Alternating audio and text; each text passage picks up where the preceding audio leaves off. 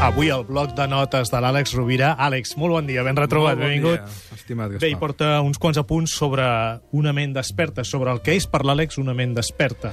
Sí. I dius que tenim tres estats... De consciència. Sí, que passa que normalment jo crec que fem una falsa atribució. És a dir, normalment es considera que tenim dos estats de consciència, no? El son i la vigília. I fem una relació directa. Quan estem en, en un estat de son, estem adormits, i quan estem en vigília, estem desperts. I no és ben bé cert, perquè la realitat és que penso que la majoria dels humans viuen aparentment desperts, però profundament adormits.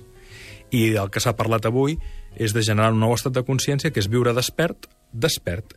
I fins i tot pots viure adormit i despert, és a dir, pots tenir somnis lúcids, pots estar conscient i present observant el teu somni, i no diguem en la quotidianitat, en la vigília, aquest exercici de, de la consciència desperta es pot anar treballant i és com tot, és un hàbit per al qual tu et fas objecte de la teva pròpia atenció, de tu mateix, i procures estar present en la pràctica de l'atenció central conscient, com per exemple diria el mestre Antoni Blai Fontcoberta, no? l'atenció central conscient, d'adonar-te'n hi ha hagut molts mestres, eh? aquí a Catalunya hem tingut l'Antoni Blai, però podem mirar-ho a Jean Klein, o fins i tot a Anis Sargadata, o, o a tants mestres de la meditació oriental i occidental, sobretot oriental, que ens han eh, mostrat camins per viure realment en una ment lúcida, jo diria que és molt més que una ment, amb una presència lúcida, en un observador que és a la vegada el punt de consciència del, des del qual es desplega tota l'observació i pots fer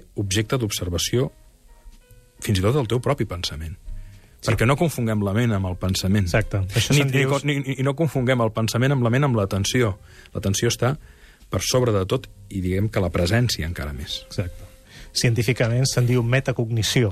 Correcte. Adonar-se'n de què és el que passa per la nostra ment. I els beneficis que provoca aquesta pràctica, aquesta exercitació, són múltiples. És a dir, la voluntat de viure despert, de viure present, de ser de, de practicar aquest exercici et, et, et provoca un augment de la memòria, claríssim, un augment de la capacitat de connectar informacions, intel·ligència, en definitiva, que ve d'interligar, eh, d'interrelacionar.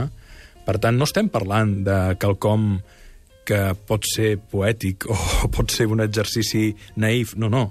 L'exercici de treballar una ment lúcida aportaria grans beneficis, com diria en Ricard, a tots els éssers, a tota la humanitat. No? I, I, de fet, és una disciplina, és un hàbit com tot, igual que eh, se'ns ensenya a escriure, igual que aprenem a parlar, igual que podem aprendre a escoltar, igual que podem aprendre a, a fer matemàtiques, àlgebra, càlcul o a, o, a, o, a, o a raonar correctament, podem aprendre a estar presents, presents.